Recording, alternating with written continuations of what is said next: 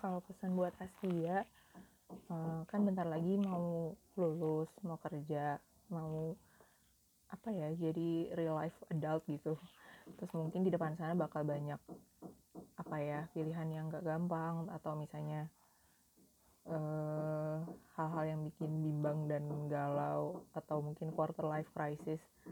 Aku sih berharapnya kalau kamu menghadapi situasi kayak gitu kamu tetap ngutamain kebahagiaan kamu gitu. Jadi apa pun yang kamu pilih asal itu buat kamu bahagia dan itu cukup buat kamu dan menurut kamu itu benar buat kamu aku harap sih kamu tetap tetap maju dengan keyakinan kamu gitu. Karena ya aku yakin kamu tuh sebenarnya selalu mampu gitu buat ngadepin situasi sesulit apa pun gitu.